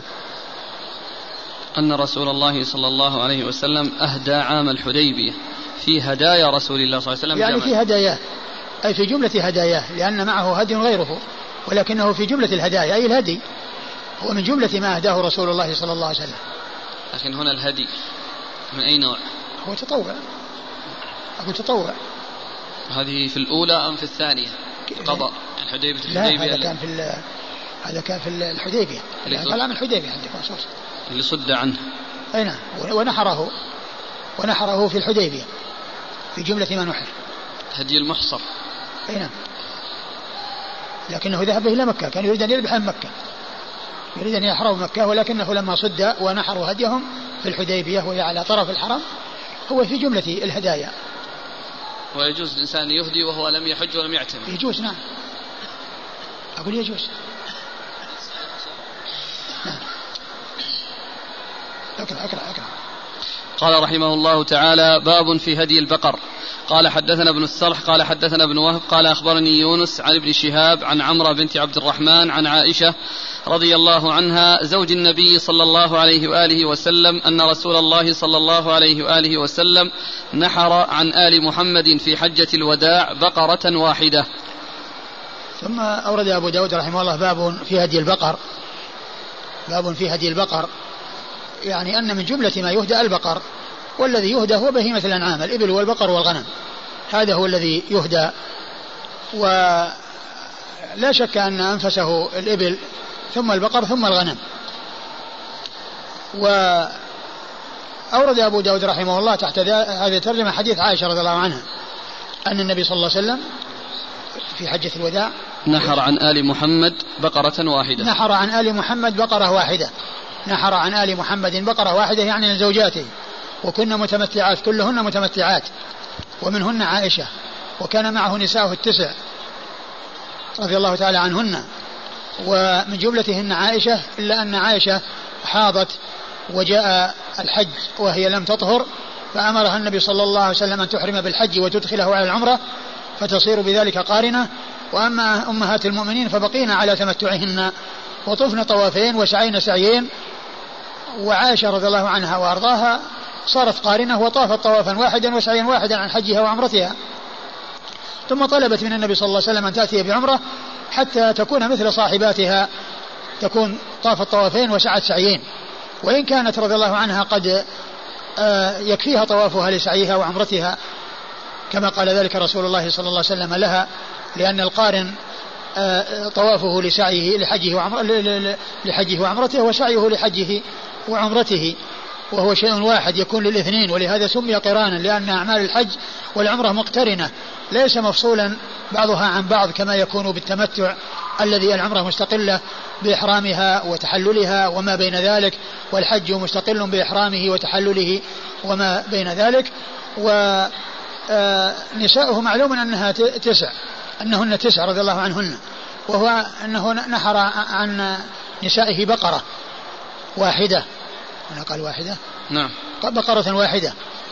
وقد جاء في بعض الروايات أنه نحر عن نسائه بقرة بقرة. يعني كل واحدة عنها بقرة. فإذا كان الأمر كذلك أنه بقرة بقرة ليس فيه إشكال. وإن كان آه، ما نحر عنهن إلا بقرة واحدة فيشكل على ذلك أنهن أكثر من سبع. ومعلوم أن البدنة إنما تكون عن سبع والبقرة إنما تكون عن سبع. ولهذا بعض أهل العلم قال إن البدنة والبقرة تكون عن عن عشر. ويعني يعني هذا من جملة أدلتهم. لكن يعني جاء ما يدل على أن البقرة عن سبعة والبدنة عن سبعة. و جاء في هذا الحديث أو في هذه يعني هذه المسألة أنه نحر عنهن بقرة بقرة. ولهذا قال الشيخ شيخ الإمام ابن القيم رحمة الله تعالى عليه أنه إن كان نحر عنهن إن كان هناك تعدد فلا إشكال. وإن كان بقرة واحدة فيشكل على ذلك أنهن تسع. أنهن تسع. وهذا يعني لا يتأتى إلا على قول من قال إن البقرة أو البدنة تجزي عن عشرة. قال حدثنا ابن السرح. ابن السرح هو هو أحمد بن عمرو بن السرح وهو صدوق وهو ثقة. وهو ثقة أخرج له مسلم وأبو داود والنسائي وابن ماجه. عن ابن وهب. عن ابن وهب عبد الله بن وهب المصري ثقة فقيه أخرج له أصحاب كتب الستة. عن يونس. عن يونس عن من؟ عن ابن شهاب. عن يونس وهو ابن ابن يزيد الأيلي. وهو ثقة أخرج له أصحاب كتب الستة. عن ابن شهاب وهو محمد بن مسلم. ابن عبيد الله بن شهاب الزهري ثقة فقيه أخرج له أصحاب كتب الستة. عن عمرة بنت عن عمرة بنت عبد الرحمن الأنصارية ثقة أخرج لها أصحاب كتب الستة. عن عائشة. عن عائشة أم المؤمنين رضي الله عنها وأرضاها الصديقة بنت الصديق وهي من أوعية السنة وحفظتها وهي واحدة من سبعة أشخاص عرفوا بكثرة الحديث عن النبي صلى الله عليه وسلم. قال حدثنا عمرو بن عثمان ومحمد بن مهران الرازي قال حدثنا الوليد عن الأوزاعي عن يحيى عن أبي سلمة عن أبي هريرة رضي الله عنه أن رسول الله صلى الله عليه وآله وسلم ذبح عمن اعتمر من نسائه بقرة بينهن. ثم ورد أبو داود حديث عائشة أبي هريرة. حديث أبي هريرة أن النبي صلى الله عليه وسلم ذبح عمن اعتمر. عمن اعتمر من نسائه بقرة بينهن. عمن اعتمر من نسائه بقرة بينهن وهذا مثل الذي قبله. لكن نساؤه اعتمرن جميعا معه صلى الله عليه وسلم. نعم. قول المحشي قارنات ما يستقيم. نعم. لا لا. يعني لسنا قارنات وإنما لقارنة عائشة وكان قرانها في زمن متأخر وليس في أول الأمر وكنا جميعا متمتعات. قال حدثنا عمرو بن عثمان عمرو بن عثمان الحمصي صدوق أخرج حديثه أبو داود والنسائي وابن ماجه. ومحمد بن مهران الرازي. ومحمد بن مهران الرازي وهو ثقة أخرج البخاري ومسلم وأبو داود. ثقة أخرجه البخاري ومسلم وأبو داود. عن الوليد. عن الوليد بن مسلم وهو ثقة أخرجه أصحاب كتب الستة. عن الأوزاعي. عن الأوزاعي عبد الرحمن بن عمرو الأوزاعي ثقة فقيه أخرج له أصحاب كتب الستة. عن يحيى عن يحيى عن؟ عن أبي سلمة. عن يحيى عن عن يحيى بن يحيى بن سعيد ولا بن أبي كثير؟ يحيى بن أبي كثير اليمامي وهو ثقة أخرجه أصحاب كتب الستة. عن أبي سلمة. عن أبي سلمة بن عبد الرحمن بن عوف وهو ثقة فقيه. أحد فقهاء المدينة السبعة في عصر التابعين على أحد الأقوال الثلاثة في السابع منهم وحديثه أخرجه أصحاب كتب الستة. عن أبي هريرة عبد الرحمن بن صخر الدوسي صاحب رسول الله عليه الصلاة والسلام وأكثر أصحابه حديثا على الإطلاق رضي الله عنه وأرضاه. قال رحمه الله تعالى باب في الإشعار.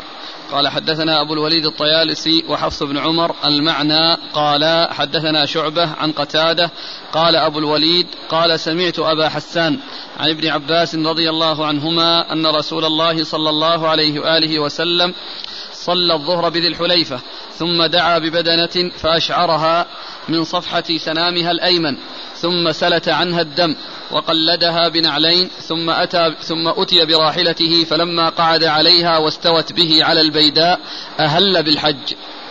ثم ورد أبو داود رحمه الله باب في الإشعار.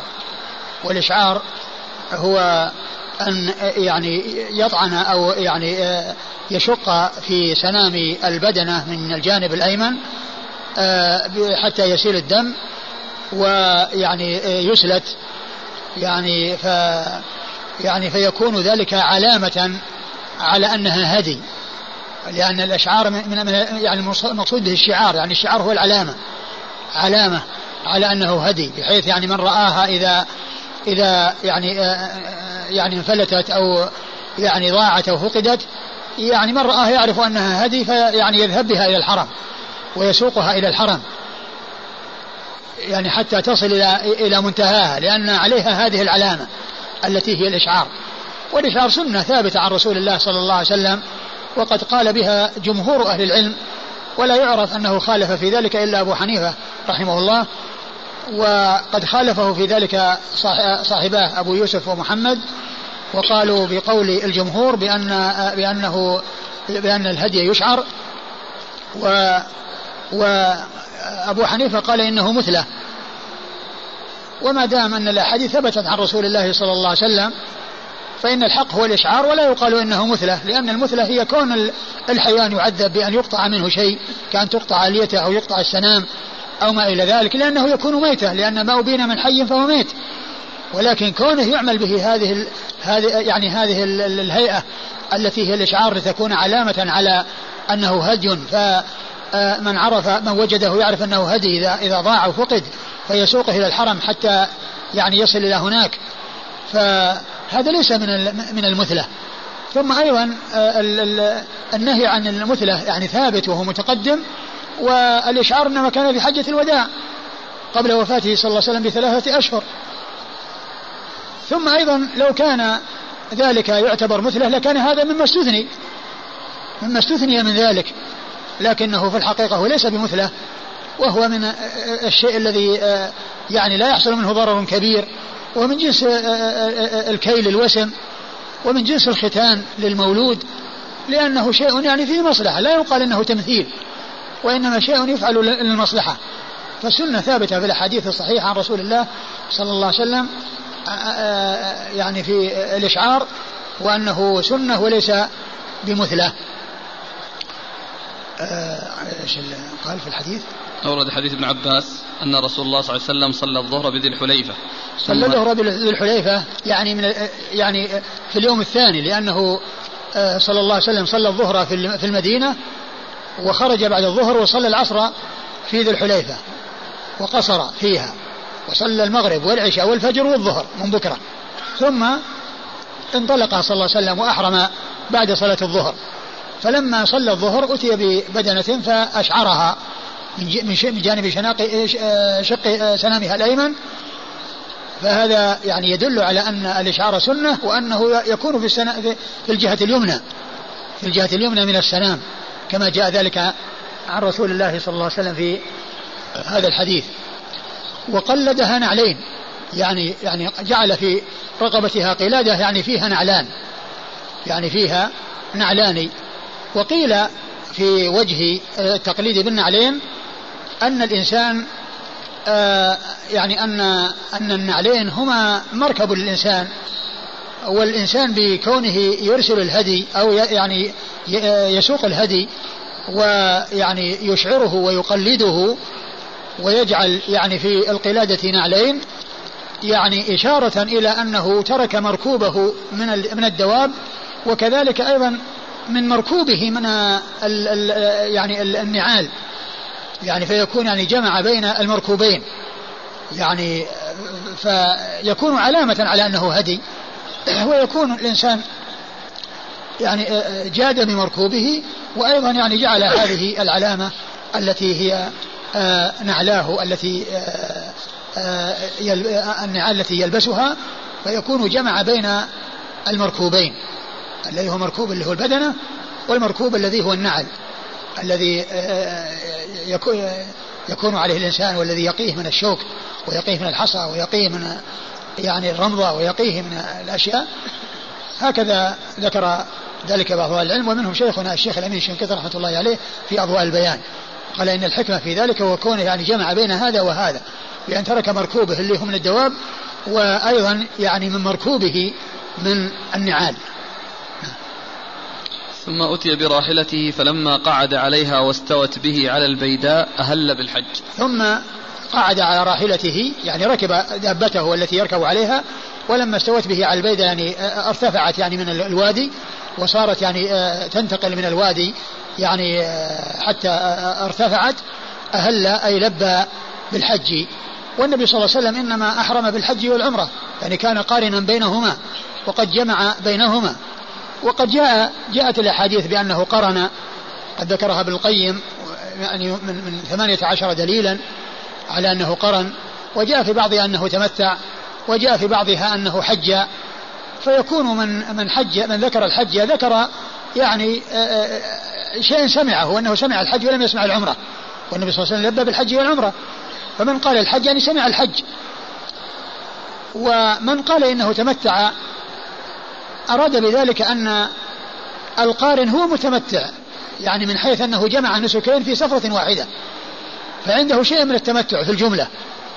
وإن كان التمتع الذي اشتهر يراد به كون الإنسان يأتي بعمرة مستقلة في أشهر الحج ثم يحل منها وإذا جاء اليوم الثامن أحرم بالحج فيكون آه، العمرة مستقلة والحج مستقل هذا هو الذي اشتهر باسم التمتع. لكن القرآن أيضا يقال له تمتع.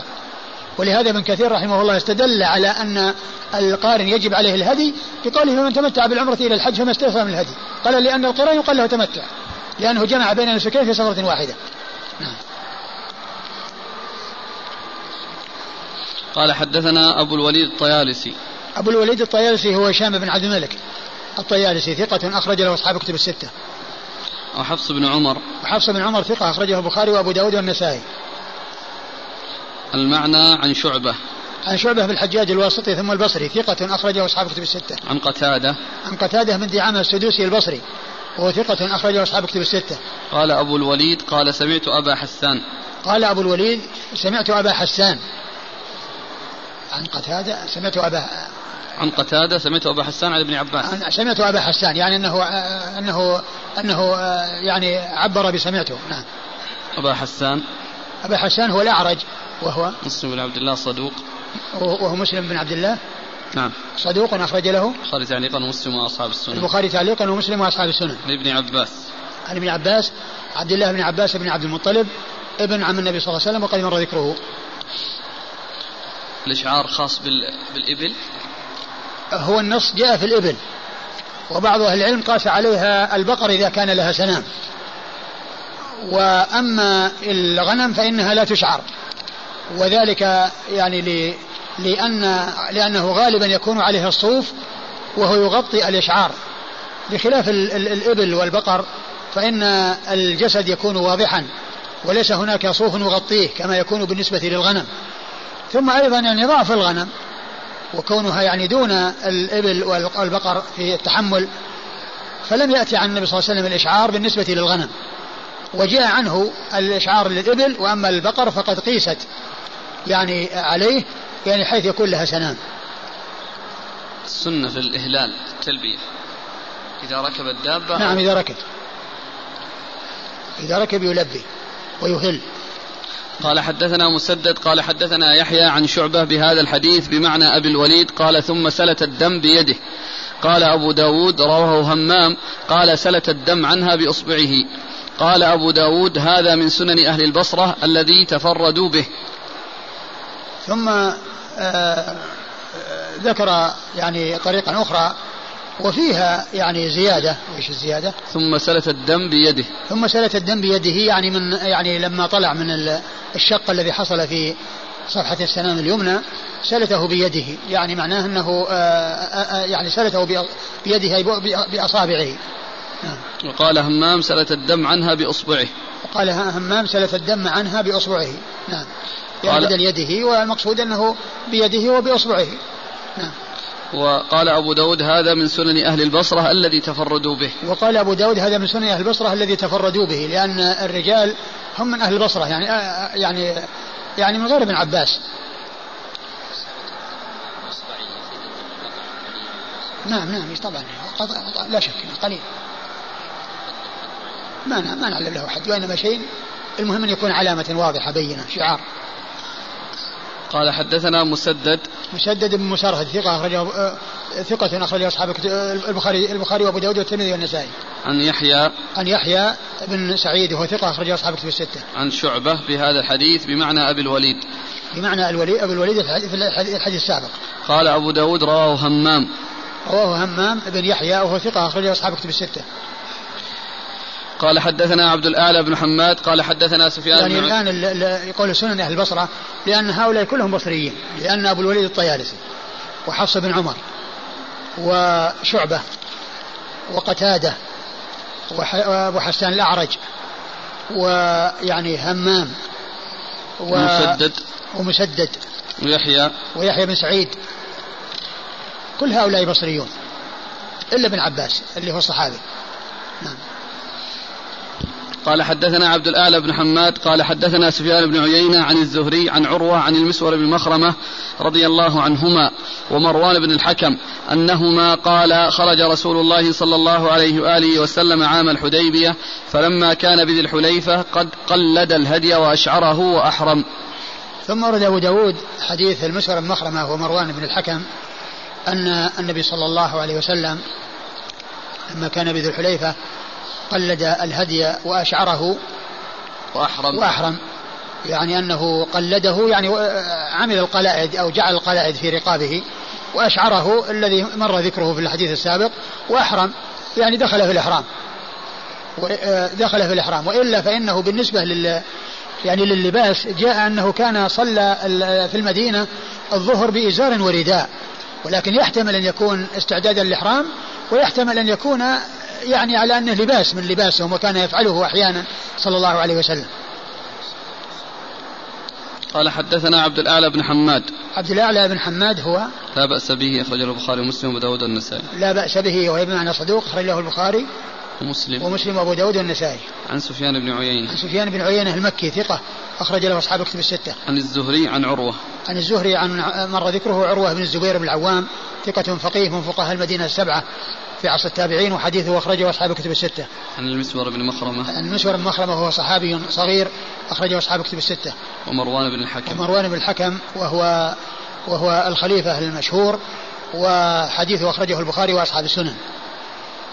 وقد ذكر الحافظ في التقريب أن عروة أن أن عروة بن الزبير قال لا يتهم بالحديث الذي هو مروان بن الحكم. قال حدثنا وهو, وهو بالنسبة له مرسل لأنه ليس بصحابي. بالنسبة لمروان هو من قبيل المرسل لأنه ليس بصحابي ولكن المتصل والمرفوع هو من طريق المسور بن مخرمة. قال حدثنا هناد قال حدثنا وكيع عن سفيان عن منصور والأعمش عن إبراهيم عن الأسود عن عائشة رضي الله عنها أن رسول الله صلى الله عليه وآله وسلم أهدى غنما مقلدة. ثم ورد أبو داود حديث عائشة أن النبي صلى الله عليه وسلم أهدى غنما مقلدة. يعني معناها أن أن الغنم تقلد وأن الغنم تهدى ويعني آه، تكون من جملة الهدي. ففيه الدليل على تقليد الغنم والتقليد يكون لبهيمة الأنعام كلها الإبل والبقر والغنم. نعم.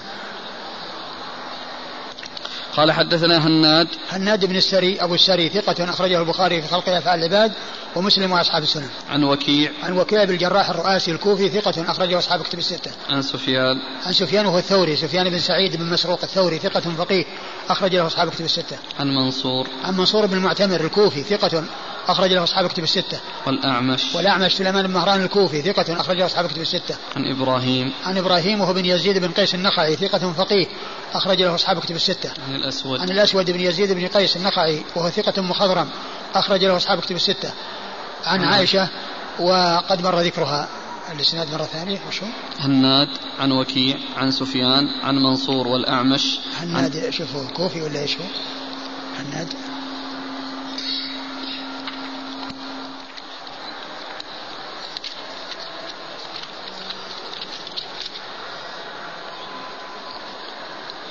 نعم كوفي. إذا كله كوفيون إلا إلا إلا أم المؤمنين عائشة إلا الصحابي. قال رحمه الله تعالى باب تبديل الهدي. قال حدثنا عبد الله بن محمد النفيلي قال حدثنا محمد بن سلمة عن أبي عبد الرحيم. قال أبو داود أبو عبد الرحيم خالد بن أبي يزيد. خال محمد يعني ابن سلمة. روى عنه حجاج بن محمد. عن جهم بن الجارود عن سالم بن عبد الله عن أبيه رضي الله عنه أنه قال أهدى عمر بن الخطاب رضي الله عنه نجيبا فأعطي بها ثلاثمائة, دي ثلاثمائة دينار. فأتى النبي صلى الله عليه وسلم فقال يا رسول الله إني أهديت نجيبا فأعطيت بها ثلاثمائة دينار. فأبيع أفأبيعها وأشتري بثمنها بدنا. قال لا انحرها إياها. قال أبو داود هذا لأنه كان أشعرها. ثم ورد أبو داود رحمه الله باب تبديل الهدي يعني كونه يبدل يعني شيء اشتراه على أنه هدي ثم أراد أن يبدله بغيره. والحكم في هذا أنه إذا كان سيبدله بما هو أحسن منه فإنه لا بأس بذلك. لا بأس بذلك. لكن يعني ال ال يعني التبديل هو على هذا الوصف. أما إذا كان يعني بشيء أقل منه فإنه لا يجوز. لا يجوز لأن الإنسان يبدله بما هو أقل منه ولكن كونه ينتقل يعني من من يعني من نازل إلى أعلى لا بأس به. اشترى اشترى يعني يعني شاة ليجعلها هديا ثم بعد ذلك أراد أن يشتري أو أن يهدي شاة أحسن منها وأنفس منها وأغلى منها وأسمن منها لا بأس بذلك. والحديث أورد فيه أبو داود حديثا عن عبد الله بن عمر. عن عبد الله بن عمر. فيه أن النبي صلى الله عليه وسلم يعني لما استأذنه عمر بأن يبدل ذلك النجيب الذي كان يعني جعله هديا واستأذن النبي صلى الله عليه وسلم فيه أن يبيعه ويشتري يعني به يعني يشتري به بدنا. بدنا. قال لا انحرها إياها. قال أبو داود لأنه كان أشعرها. يعني أن علامة علامة الهدي يعني جعلت عليها يعني كونه يعني شق سنامها أقول شق سنامها ويعني أشعرت فهذا هو سبب يعني قول أبي داود هذا هو سبب يعني المنع. وإلا فإنها إذا أبدلت يعني بما هو أحسن منها فإن ذلك سائر لكن حيث أشعر فإنه جعلت فيه هذه العلامة. لكن الحديث يعني لم يصح. لأن فيه من هو مقبول وفيه أيضا عدم اتصال بين آه ابن الجارود إيش اسمه؟ جهم. الجهم بن الجارود وبين سالم لأنه لم يسمع منه ليس له سماع منه وأيضا هو مقبول الذي هو الجهم بن الجارود. نعم.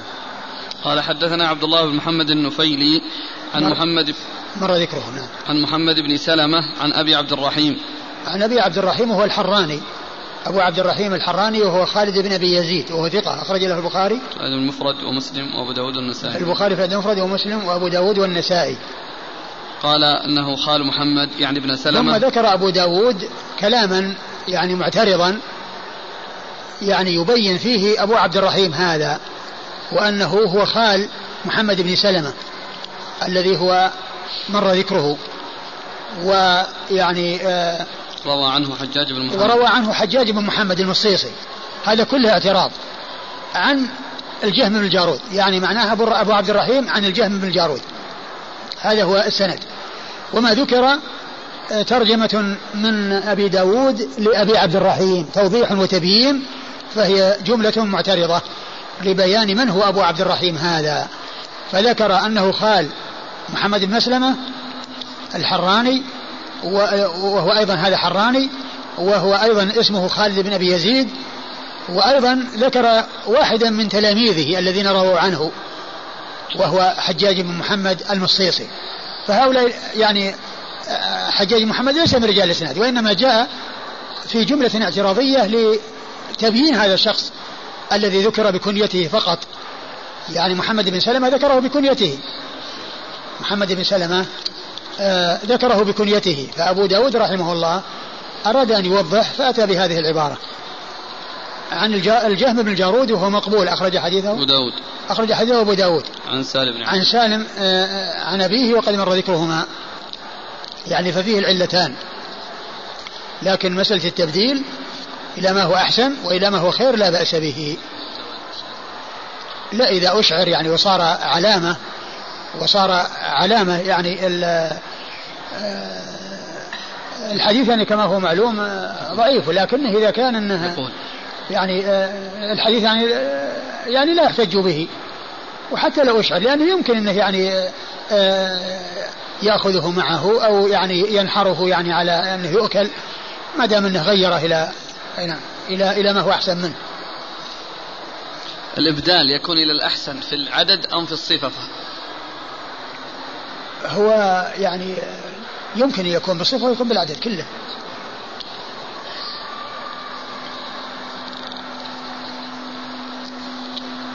قال رحمه الله تعالى باب من بعث بهديه وأقام قال حدثنا عبد الله بن مسلم القعنبي قال حدثنا أفلح بن حميد عن القاسم عن عائشة رضي الله عنها أنها قالت فتلت قلائد بدن رسول الله صلى الله عليه وآله وسلم بيدي ثم أشعرها وقلدها ثم بعث بها إلى البيت وأقام بالمدينة فما حرم عليه شيء كان له حلا.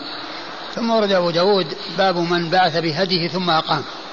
يعني أنه لم يذهب مع هديه وإنما أهداه وهو في بلده. أرسله إلى مكة لينحر في مكة وهو يعني هدي يتقرب الإنسان به إلى ربه يعني في يعني في الحرم.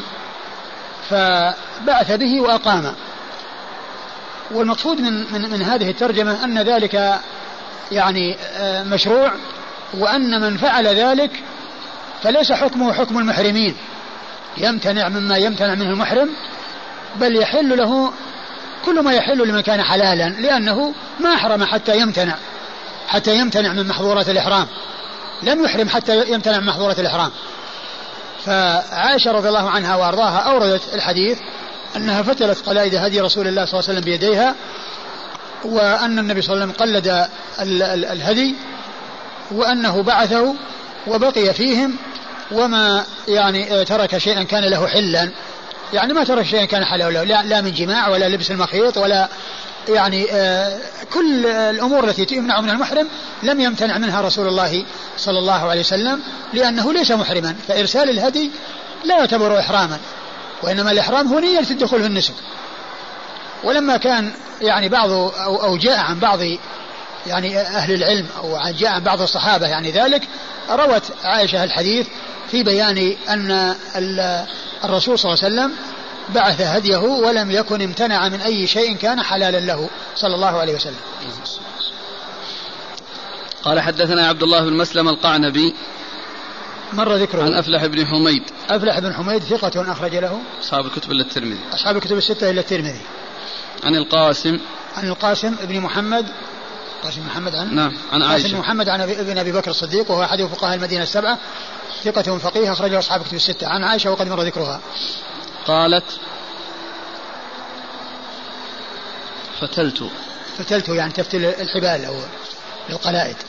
صار يعني التقليد يكون بالنعال ويكون بشيء آخر. والنعال النعال يعني تجعل في القلادة. النعال تجعل في القلادة. يعني هذا الحبل اللي تربط فيه النعال. إيه يعني هو في قلادة في الرقبة والنعال تكون فيه. قال حدثنا يزيد بن خالد الرملي الهمداني وقتيبة بن سعيد أن الليث بن سعد حدثهم عن ابن شهاب عن عروة وعمرة بنت عبد الرحمن أن عائشة رضي الله عنها قالت كان رسول الله صلى الله عليه وآله وسلم يهدي من المدينة فأفتل قلائد هديه ثم لا يجتنب شيئا مما يجتنب المحرم. ثم ورد أبو داود حديث عائشة من طريق أخرى وهو مثل الذي قبله. قال حدثنا يزيد بن خالد الرملي. يزيد بن خالد الرملي هو ثقة أخرجه أبو داود والنسائي بن ماجه ثقة أخرجه أخرجه أبو داود والنسائي بن ماجه وقتيبة بن سعيد قتيبة بن سعيد آه، ثقة أخرجه أصحاب كتب الستة عن الليث عن الليث بن سعد المصري ثقة فقيه أخرج له أصحاب كتب الستة. عن ابن شهاب عن عروة وعمرة. عن ابن شهاب عن عن عروة وعمرة وعائشة وقد مر ذكرهم. عن عائشة وقد مر ذكرهم. قال حدثنا مسدد قال حدثنا بشر بن المفضل قال حدثنا ابن عون عن القاسم بن محمد وعن إبراهيم زعم أنه سمعه منها من سمع زعم أنه سمعه منهما جميعا ولم يحفظ حديث هذا من حديث هذا ولا حديث هذا من حديث هذا. قال قالت أم المؤمنين رضي الله عنها بعث رسول الله صلى الله عليه وآله وسلم بالهدي فأنا فتلت قلائدها بيدي من عهن كان عندنا ثم أصبح فينا حلالا يأتي ما يأتي الرجل من أهله. ثم ورد أبو داود حديث عائشة رضي الله عنها وهو مثل الذي قبله إلا أنها بينت هنا المادة التي حصل منها القلاعد وأنها فتلتها من, من, من, من عهن يعني صوف يعني كان عندهم. والباقي مثل ذلك مثل ما تقدم.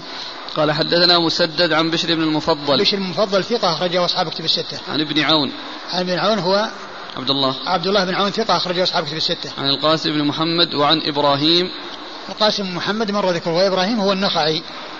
يعني أن ابن عون يعني يرويه عن هذا وهذا ولكنه ما ميز لفظ هذا من هذا فجمع فجمع أو أتى بالكلام وهو لا يعني آه، لا يتميز هذا من هذا وهذا لا يؤثر إذا كان الكلام يدور على ثقتين فسواء هذا أو هذا النتيجة واحدة وإنما يؤثر لو كان أحدهما ضعيف. يؤثر لو كان أحدهما ضعيف لأنه يحتمل أن يكون يعني بعضه عن الضعيف.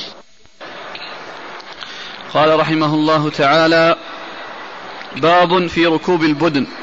قال حدثنا القعنبي عن مالك عن أبي الزناد عن الأعرج عن أبي هريرة رضي الله عنه أن رسول الله صلى الله عليه وآله وسلم رأى رجلا يسوق بدنه فقال اركبها. قال إنها بدنة. فقال اركبها ويلك. في الثانية أو في الثالثة. ثم ورد أبو داود باب في ركوب البدن أي الهدي. يعني من الإبل. يعني البدن هي الإبل. وال يعني ركوبها عند الحاجة إليه لا بأس بذلك. لا بأس بذلك عند الحاجة يعني حيث لا يلحقها شيء من الضرر لا بأس به.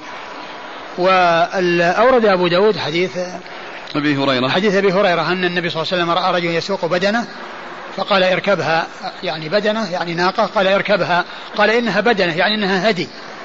قال اركبها.